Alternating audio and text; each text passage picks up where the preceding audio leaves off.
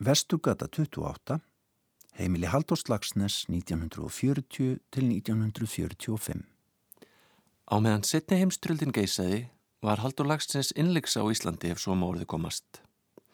Haldur Guðmundsson bendur á það í æfisögu skáldsins að stríðsórn hafi verið lengsti samfeldi tímin sem Haldur dvaldi á Íslandi frá því hann var 17 ára og þar til hann nálgæðist áttrætt. Haldur og Yngibjörg Einarstóttur slitu samvistum sumarið 1939 og snemma árs 1940 flutti Haldur endanlega af löfósveginum og á Vesturgötu 28. Þar tók hann á leigu herbergi á efstu hæð og þar hafði hann fast aðsetur öll stríðsárin. Haldur fyldist með ófriðinum í Evrópu af vakandi áhuga og fyldi hann sovjetmönnum að málum og varði utanrikistefnu þeirra í ræði og riti. Meðal annars umdeldan griðarsáttmála Stalins og Hitlers og innrás sovjetmann í Finnland sem fyldi í kjölfarið. Þetta var óvinnsæl málstæður á Íslandi og sósialistar einangruðust á þingi og voru litnir hortnöga í samfélaginu.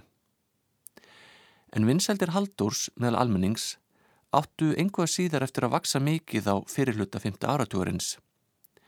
Því réði stór söguleg skaldsaga Íslandsglökkan sem kom út í þremur bindum 1943 til 1946.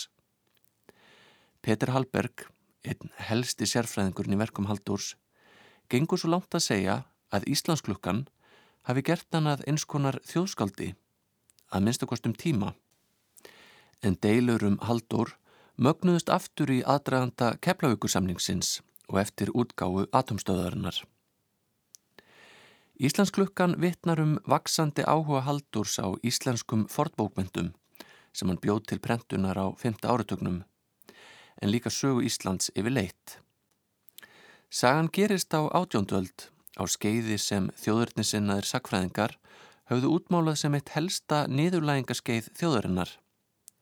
Lesendur fylgjast annarsvegar með ástarsögus næfriðar Íslandsólar, dóttur Eitalins lögmanns og eins valdamesta mannslandsins og handritasafnarnas Arnasar Arneusar, hins vegar tilraunum smábóndans Jóns Rekviðssonar frá Reyn til að rinsa sig á ásökunum um að hafa myrt böður konungsins. Örlug þessara persóna fléttast saman við sögu þjóðarinnar að fornu og nýju en íslenski lesendur á 15 áratögnum tengdu efni bókarinnar lengt og ljóst við sjálfstæðisbartu Íslandinga sem lauk á þingvöllum 17. júni 1944. Einn af hápuntum Íslandsklökunar er lýsingin á brunanum mikla í Köpmannhöfn 1728. Þar sem að minnstakosti 12 skinnbækur handritsbrott og mikill fjöldi pappishandrita þurrað upp. Það skýtu nokkuð skökku við að á sama tíma á eldur geysað og síðan bókarinnar átti Haldur í útustöðum við leigusalasinn vegna kyndingar þóttu honum kallt í húsinu og óskaðan eftir aðgangi að herbergi í kjallarunum þar sem hægt var að stjórna hitanum frá henni nýstopnuðu hitaveitur Reykjavíkur. Endaði máli fyrir dómi og dæmdi hérastómur Haldur í vil þannig að hlýtt var á vesturgötunni 1944 til 45. En í desember 1945 fór málið fyrir hæstarétt og þá var Haldóri dæmt í óhag. En það gildi einu. Haldur var á leið af vesturgötunni og í nýbyggingun að gljúrasteinni. Þar hafði setni eiginkona hans, auður Sveinsdóttir, staðið ströngu og stýrt framkvöndum. Haldur Lagsnes hafði ekki fasta búsetu í Reykjavík eftir þetta en hann og auður áttu íbúð á Falkagötu eins og Reykjavíkuskaldið Megas vísar ísmeilega til í ljóðinu Dauði Snorra Sturlusonar. Þeir fóru um allt og undir rúmin en engan Snorra fundu þó. Hann bjóðið Falkagötu og gerði, grínað þessu og skelli hló. Það er fristandi að tólka þetta textabrót með þeim hætti að þó maðurinn Snorri hafi dáið, þá hafi skálskapur hans lifað áfram í þeirri sagnahefð sem Haldur Lagsnes endur nýjaði með sínum hætti á 20. stöld. Hlýðum á stutta hugleðingu Haldurs um Íslandsklukkuna. Torfsbæðinir mókandi hlýðum fjallanna. Baðstofa Jóns Rekvíðssonar á reyn. Bóndin liggur á fleti sínu stinniandi, vöndurinn hefur verið á lofti. Hefur böðlinn verið myrtur.